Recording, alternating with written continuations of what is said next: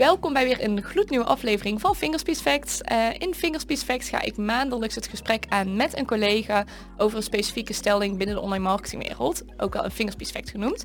Um, doel daarvan is dat we jullie uh, zo goed mogelijk informeren en inspireren om ook zelf hiermee aan de slag te gaan. Nou, mijn naam is Carlijn Smolders en ik ben doos van uh, deze podcast. En maandelijks dus een andere collega om dus um, een Fingerspeed Fact mee te bespreken. Um, de eerste acht afleveringen die vorig jaar tot stand zijn gekomen, die vind je terug in ons Spotify-account. En vandaag hebben we een, een, nieuwe gast in de studio. En dat is Jelmer Dingemansen, onze manager Data Automation. Welkom Jelmer, uh, goed dat je er bent. Misschien kun je even kort toelichten waarom uh, jij hier vandaag in de studio zit. Yes, nou mijn naam is dus Jelmer. Ehm, ik zit inmiddels al meer dan tien jaar in, in het vak.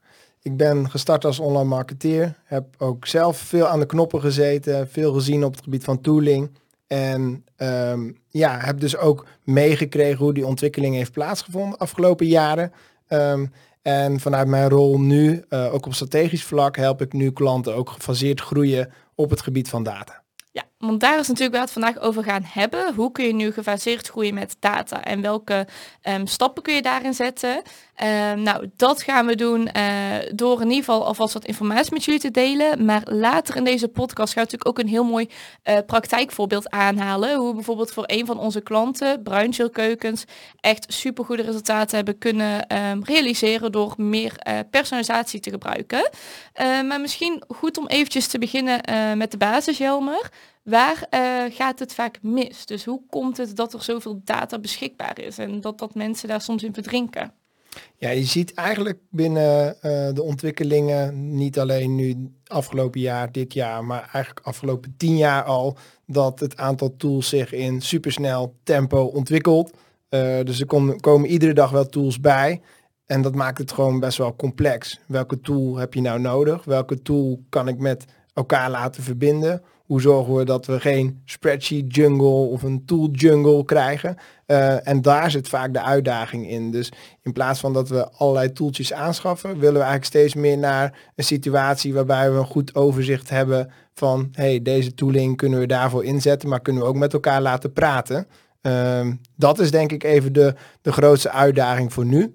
Uh, en ook om dit alles bij elkaar te brengen en uiteindelijk te visualiseren. Dus hoe kun je nu, zeg maar, ook iedere laag in een organisatie, vanaf management tot, uh, uh, tot directe werknemers, hoe kun je die nu inzicht bieden in wat er binnen zo'n bedrijf gebeurt? En dat kan natuurlijk op allerlei facetten. Uh, maar dat is wel een van de grootste uitdagingen op dit moment. Ja, dus eigenlijk geef je aan van, goh, het is natuurlijk heel fijn dat er zoveel beschikbaar is, maar juist omdat er zoveel is, weet je niet meer goed wat je nou precies met elkaar kunt verbinden. Um, om überhaupt die data inzichtelijk te krijgen, om te weten van oké, deze data heb ik, deze data kan ik gebruiken. Wat kun je daarvoor het beste doen? Ja, wat je nu ziet is, um, um, je, ziet natuurlijk dat er heel veel discussies zijn over third-party cookies, dat soort zaken. wat het mooie is aan uh, de oplossingen van bijvoorbeeld een customer data platform of een ander data warehouse, dus een plek waar je centraal data opslaat uh, daarbij heb je dus eigenlijk niks te maken meer met cookies. Je kunt eigenlijk je eigen klantdata gaan verzamelen en die activeren op momenten die voor jou als organisatie van belang zijn. Waarbij je dus echt één op één personalisatie kan toepassen.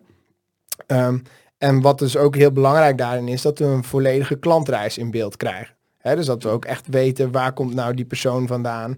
Um, welke persoon heeft een offerte aanvraag gedaan, uit welke kanalen is die gekomen. Uh, en hoe kunnen we daar in het verdere proces van die uh, klantreis daar zo goed mogelijk op inspelen. Ja, dus eigenlijk geef je aan van het is ook een soort van win-win situatie, want het is en een stuk persoonlijker, omdat je dus echt die first party data gebruikt. En met die dreiging natuurlijk van die verdwijning van third party cookies, um, los je eigenlijk dat deel ook meteen op. Ja, ja, dus we zien ook nu echt binnen Fingerspeeds echt een verschuiving. We zijn uh, met het data en automation team zijn we zo'n 3,5 jaar geleden begonnen. Uh, ook echt met nog uh, de spreadsheets aan elkaar koppelen. Als ik daar nu aan terugdenk, dan is dat proces was echt nog vele malen minder ingericht, minder professioneel dan dat we dat nu doen. nu zie je ook dat, dat de klanten daarin meebewegen. Zelf ook vaak al wat beter weten welke tooling ze hebben. Ook best wel al een idee hebben met waar ze naartoe willen. Ze missen vaak alleen handvaten en een duidelijke roadmap van hoe kun je nou in welke fase wat inzetten. Ja, dus dat geeft natuurlijk ook hoop. En wij zijn ook ooit zo begonnen, eh, maar ook nu natuurlijk naar een veel professioneler team gegroeid. Dat is voor hen ook mogelijk als ze het nou op de juiste manier aanvliegen. Ja, er is voor iedereen hoop. Ja, nou, hoopgevende boodschap voor deze podcast. En kan me ook voorstellen ehm, dat heel veel partijen denken van, oh, we willen zo snel mogelijk, zo snel veel. Zo snel um, dat mogelijk is, zeg maar, heel veel dus. Ehm, dus zo snel mogelijk groeien, zoveel mogelijk uit onze data halen. Maar brengt dat niet juist risico's met zich mee dat ze juist misschien te snel te veel willen, waardoor ze niet de juiste data gebruiken? Ja, het probleem zit er misschien eigenlijk nog met een stap daarvoor. Er zijn genoeg organisaties die tooling aanschaffen die eigenlijk helemaal niet passen bij de organisatie of misschien qua volwassenheid een heel andere ehm, eh, functie hebben of nodig hebben. Um, en dat is denk ik wel een heel groot, uh, groot euvel in dit. Omdat je dan eigenlijk gaat kijken van hoe ziet mijn bestaande toolset uit. Uh, en ga je daarmee aan de slag. Maar dat is nooit natuurlijk altijd, hoeft niet altijd per se de ideale situatie te zijn. Dus wat je eigenlijk ziet is dat de ontwikkelingen op dat vlak, dus uh, qua data warehouse bijvoorbeeld, hè, het centraliseren van je data, maar ook tooling is allemaal veel laagdrempeliger geworden. Hè. De no-code oplossingen, uh, dat heeft ons echt geholpen om heel makkelijk systemen op te zetten en die met elkaar te kunnen verbinden.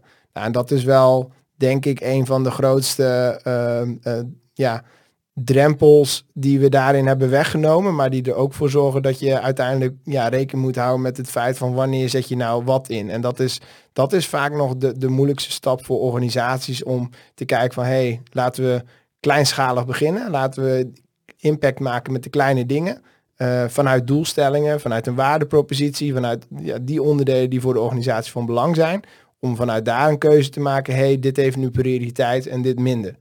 Ja, dus je begint eigenlijk met het bepalen ook van, hey, wat willen we eruit halen? En aan de hand daarvan ga je dan kijken uh, welke tools juist zijn voor jouw organisatie. Ja, en stel, heel vaak hebben we natuurlijk al te maken met een Martech stack. Zo noem je dat zo mooi, hè? marketing en technology, hoe die bij elkaar kunnen brengen. Vaak is daar natuurlijk al wat van aanwezig, maar wil je eigenlijk kijken, halen we daar nu hetgene uit wat wij als organisatie willen? Of kan het efficiënter? Of kan het, uh, biedt het wel voldoende inzicht? Hebben we niet iets anders nodig? Um, en daarbij ga je dus heel erg zitten op interconnectivity. Dus werken de verschillende tools met elkaar. Om uiteindelijk eigenlijk iedere keer weer naar dat centrale uh, data warehouse te kunnen. Waarbij je uiteindelijk daarin eindeloos mogelijkheden hebt. Ja, volgens mij is die zee echt uh, oneindig van mogelijkheden. Um, je geeft ook aan van, goh, je moet eerst beginnen met de huidige Martech stack in elkaar brengen.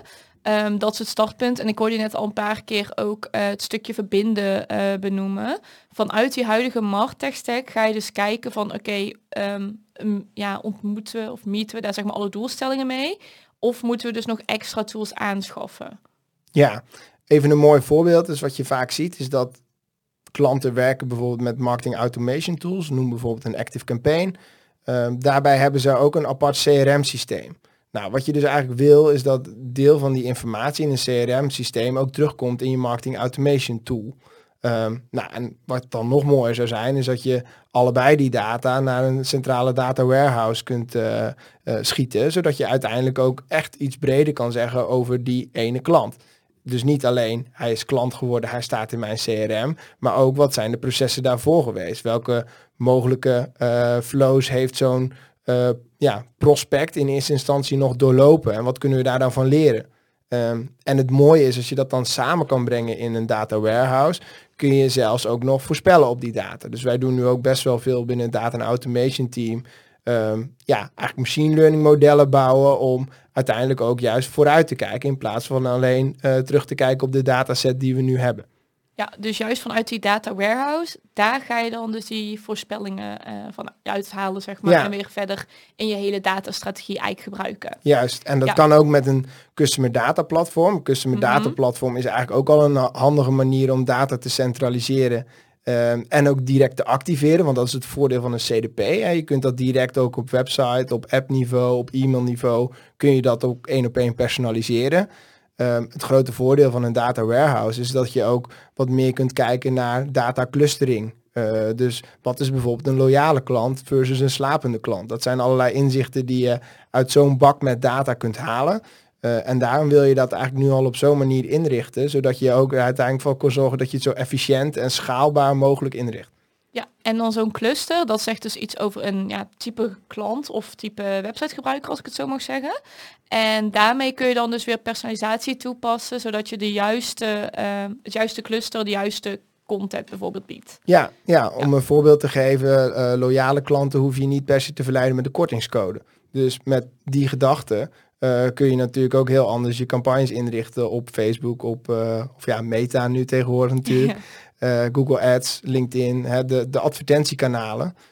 dus dat is ook belangrijk. Dat het dus gaat in dit verhaal dus ook niet per se alleen over centraliseren en het activeren, maar met name ook om te kijken hoe kun je ook je advertentiekanalen efficiënter inrichten. Want dat kun je natuurlijk daarmee ook doen. Waarom zou je nog meer euro's uitgeven aan een klant die toch al een klant is? Uh, of wat kun je doen met je slapende klantdatabase? Dat zijn klanten die je eigenlijk wel al kennen, maar die je zou kunnen heractiveren. Dat zijn allemaal ja, mogelijkheden en inzichten die we nu op een veel makkelijker manier kunnen verzamelen en ook veel makkelijker kunnen, kunnen inrichten. Ja, om uiteindelijk dus niet alleen het hele uh, proces efficiënter in te richten, maar ook juist om ja, met uiteindelijk hoofddoel ook kosten te besparen. Juist, ja. ja. En dus meer geld te verdienen op het moment dat je die slapende klant op de juiste manier weer uh, activeert, kan ik me voorstellen. Precies, ja. Ja, Oké, tof. En je noemde het net al even kort, hè.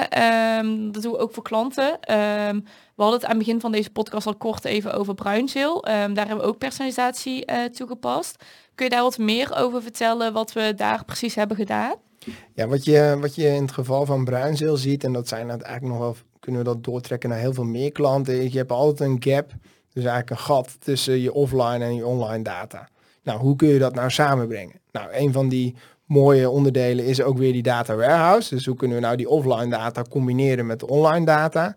Um, en de, de case die we bij Bruinzel hebben ingediend op het gebied van personalisatie uh, binnen de Dutch Search Awards, die hebben we ook uiteindelijk gewonnen. Dus dat is nou, natuurlijk hartstikke mooi. Mooie overwinning. Ja, um, maar daarbij hebben we dus heel erg gekeken naar van enerzijds hoe kunnen we ervoor zorgen dat we dus meer profielen verzamelen. Dus hoe kunnen we überhaupt weten wie welke persoon is. Maar niet alleen wie welke persoon is, maar ook wat is de inspiratie die, uh, die die persoon heeft. Is hij vooral op Pinterest georiënteerd of misschien een ander kanaal? Um, en is dat dan ook van die clusters of hoe um, verdeel je die dan? Uiteindelijk zou je ja. die kunnen verdelen in clusters. Dus verschillende woonstijlen hebben wij daar bijvoorbeeld, uh, of keukenstijlen hebben we daaraan meegegeven. Dus de een is wat meer op zoek naar een moderne keuken versus een landelijke keuken. Dus het zit hem enerzijds in het identificeren van, nou, wat is dan de persoon die een landelijke keuken wil versus een moderne keuken. Nou, met die uh, verschillende profielen die we daar meer aan hebben verzameld. Dus we hebben eigenlijk gekeken van, ze hebben een inspiratieboek, ze hebben moodboards. Uh, hoe kunnen we nou first party uh, die data verzamelen van die mensen die super waardevol zijn. En waarbij we ook nog weten, hey, die heeft een voorkeur voor deze stijl. Nou, dat hebben we uiteindelijk met een customer data platform, in dit geval BlueConic, hebben we dat kunnen implementeren. Um, en het mooie daarvan is, is dat we ook zagen dat dat leidde tot meer offerte aanvragen. Want het aantal uh, mensen dat uiteindelijk naar de winkel ging, uh, werd het naar de showrooms werd uiteindelijk hoger. Um, maar het mooie was is dat ja, zeg maar de uh, persoon in de, in de showroom zelf natuurlijk al voorbedachte uh, kennis had over, hey, dit is Carlijn die misschien wel een moderne keuken interessant vindt. Dus het verschil tussen die beiden, waarbij je eigenlijk vroeger uh, bleu binnenkwam en samen dan gaat kijken. Dat, dat kun je natuurlijk door die combinatie van offline en online data al heel erg verbeteren. Ja, dus we zagen... dat uh, wist Bruinsel bijvoorbeeld, omdat die persoon um, die dan de showroom binnenkwam, dat was dus die persoon van dat profiel. En die had dus ook echt een afspraak gemaakt. Ja, om, ja, okay. ja en die had dus een afspraak gemaakt bij uh, bijvoorbeeld de locatie Bergen op Zoom. Ja. Nou ja, dat is natuurlijk een, een mooi moment, omdat uh, ook te delen met uh, degene die die dag uh, die afspraken inboekt of in ieder geval afhandelt. Ja, dat je al weet van nou ik hoef niet met landelijke keukens aan te komen bij Carlijn, want Carlijn zoekt een moderne keuken. Dus, Precies, ja. ja. Oké, okay, Dus enerzijds konden we daar natuurlijk um, en veel meer inzicht bieden in nou wie vindt nou welke stijl interessant. Dus we hadden meer identificeerbare profielen. Anderzijds hadden we natuurlijk uh, de uplift in uh, offerte aanvragen. En uiteindelijk heeft dat aantal offerte aanvragen wat dermate hoger lag, ook geleid tot uh, ja, echt wel een explosieve groei in aankoop. Ja. Dus in dat geval was het heel interessant. Maar daarnaast kunnen we natuurlijk met deze learnings ook binnen marketingcampagnes uh, hier heel erg rekening mee houden. Want waarom zouden we klanten die op zoek zijn naar een landelijke keuken hetzelfde behandelen, hetzelfde willen activeren als iemand die misschien op zoek is naar uh, een industriële keuken, zeg maar. Dus daar zitten best wel verschillen in, waarbij je op uh, ja, heel veel gedragingen en data die je verzamelt, ja, impact kan maken. Ja, oké. En dus uiteindelijk ook veel concreter um, de juiste content kunnen laten zien. En het hele aankoopproces niet alleen voor een bruinzeel, maar ook voor juist de klant eigenlijk ja, beter maken, ja. fijner maken. Ja. ja, en wat we nu eigenlijk ook doen bij veel andere klanten, is dat we eigenlijk ook juist zitten in dat gebied rondom data clusteren. Dus dat we ook juist klanten, zeker op e-commerce vlak, maar je ziet het ook steeds vaker binnen B2B, is dat we klanten een beeld kunnen schetsen van hey, dit is jouw klantportfolio. Um, en het leuke is, is dat klanten vaak zelf uh, het idee hebben of denken heel goed te weten wie hun klanten zijn. Uh, maar op het moment dat we dat gaan toetsen op basis van data, uh, ja, dan zitten ze wel eens mis. Ja, dan kon er toch wel weer leuke, verrassende resultaten uit komen voorstellen. Ja, ja. ja dus heb je daar ook een voorbeeld van? Bijvoorbeeld, um, je noemde net al dat je voor B2C en voor B2B kan doen. Ik ben eigenlijk per uh, branche al even benieuwd. Hè? Heb je daar bijvoorbeeld voor B2B een goed voorbeeld van? Wat daaruit zou kunnen komen? Ja, wat je nu eigenlijk ziet is dat binnen e-commerce is het heel erg vaak geënt op de champions, de loyalists. Eigenlijk, hè, het zijn vaak segmenten die ja, heel vaak terugkomen. Binnen B2B zie je dat wat minder. En is het vaak wel heel erg afhankelijk van um, hoe de organisatie is ingericht en hoe, hoe het salesproces en het marketingproces uh, in elkaar steken. Dus dat zijn ook wel uh, dingen waar wij klanten in adviseren. Van hoe kun je nou sales wat meer verbinden met marketing. Um, dus er is niet per se één uh, ja, one size fits all oplossing, zeg maar. Het is wel echt iets meer kijken van hey, wat heeft die klant op dat moment nodig en wat is nu zeg maar de drempel van een offerte aanvraag bijvoorbeeld, want dat zie je natuurlijk heel veel bij uh, binnen B2B, naar uiteindelijk een aankoop. Wat zijn die doorlooptijden? Um, dus ja, in principe kun je op alles clusteren. We hebben andere klanten waarbij we het juist niet doen op klantprofielen, maar dat we het doen op basis van diensten. Uh, dus dat je het op basis van een productportfolio kan bepalen wat de clusters zijn. Dus dat je ook kan zien van hey, dit product wordt veel beter verkocht uh, dan het andere product. Dus je zou het ook kunnen doen op categorieën in plaats van per se op klanten. En dat is het mooie aan zo'n van die clustering methodes, dat je daar ja, eigenlijk heel schaalbaar en dynamisch in, uh, in kan zijn op basis van de dataset die je hebt. Ja, je kunt eigenlijk echt alle kanten mee op letterlijk. Dus je kunt zoveel verschillende clusters maken. Maar juist door heel veel verschillende clusters kun je nog steeds de juiste mensen, want uiteindelijk gaat het natuurlijk altijd om mensen, op de juiste manier benaderen. Juist, ja. Oké, tof. En um, jammer, is er hè, los van de dingen die je net al hebt gezegd, is er bijvoorbeeld nog een gouden tip voor de luisteraars? Waarmee uh, moet zij aan de slag gaan om nu echt op de juiste manier gefaseerd te kunnen groeien met deze data? Goeie, goeie vraag. ja, ik overval je uh, mee. Hè? Nou, ik, denk, ik denk dat het met name zit in inzicht. Dus begin echt met het inventariseren. Bekijk wat de wensen en behoeften zijn uh, voordat je zomaar gaat starten. Um, en dat is denk ik ook wat wij vaak nu bij Fingerspeech doen. Hè. We beginnen vanuit een data maturity scan. Dus de volwassenheid proberen we te toetsen en uh, te kijken van wat is het nu op dit moment belangrijk binnen de organisatie.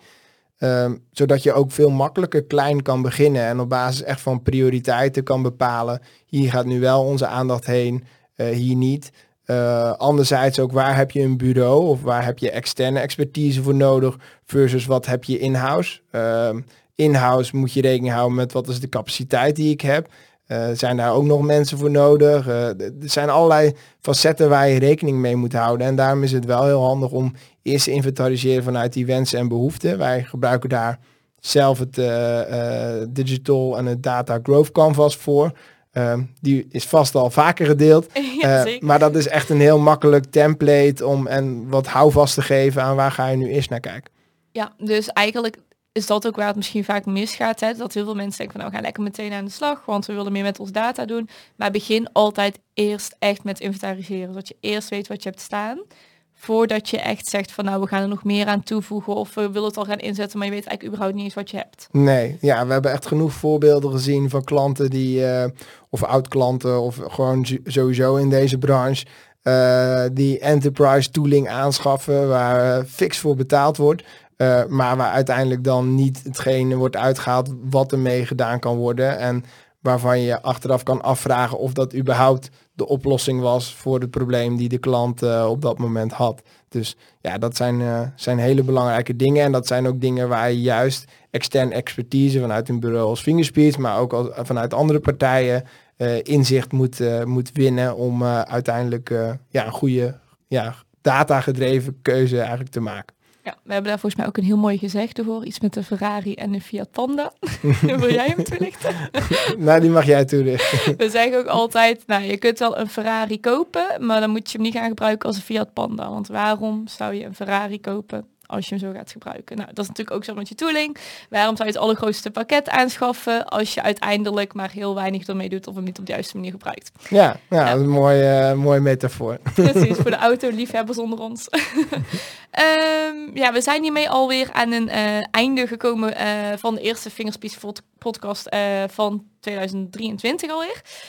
Um, Jelmer, bedankt voor jouw input. Um, wil je nog iets toevoegen hieraan? Of zeg je van nou, ga vooral lekker aan de slag met data? Nou, mocht je het nou interessant vinden wat de volwassenheid van jouw organisatie, dan zou ik je zeker aanraden om even de data maturity scan uh, te doen op onze website. Uh, die, uh, die kun je zo waarschijnlijk makkelijk vinden. anders stuur even een berichtje. maar dat helpt je in ieder geval alvast op weg richting gefaseerd groeien. Yes, super. Dankjewel Jelmer. Um, dan wil ik ook alvast de volgende podcast bij jullie aankondigen, want die komt volgende maand uit. En daarbij ga ik in gesprek met mijn collega Erik over hoe je um, aan de gang kan met experimenteren als je low traffic hebt op je website. Um, staat dus een teken van CRO. En Jelmer noemde het net al eventjes kort, hè, bijvoorbeeld die data maturity scan of de digital growth canvas. Nou, mocht je nou interesse in hebben en ben je nog geen lid van de Growth Lab, dan meld je nu aan uh, via growthlab.nl. En daarmee krijg je dus toegang tot al onze exclusieve content, waaronder downloads, uh, formats, noem maar op. Um, zeker even de moeite waard. In ieder geval bedankt voor het luisteren en uh, ik hoop dat jullie de volgende maand weer bij zijn.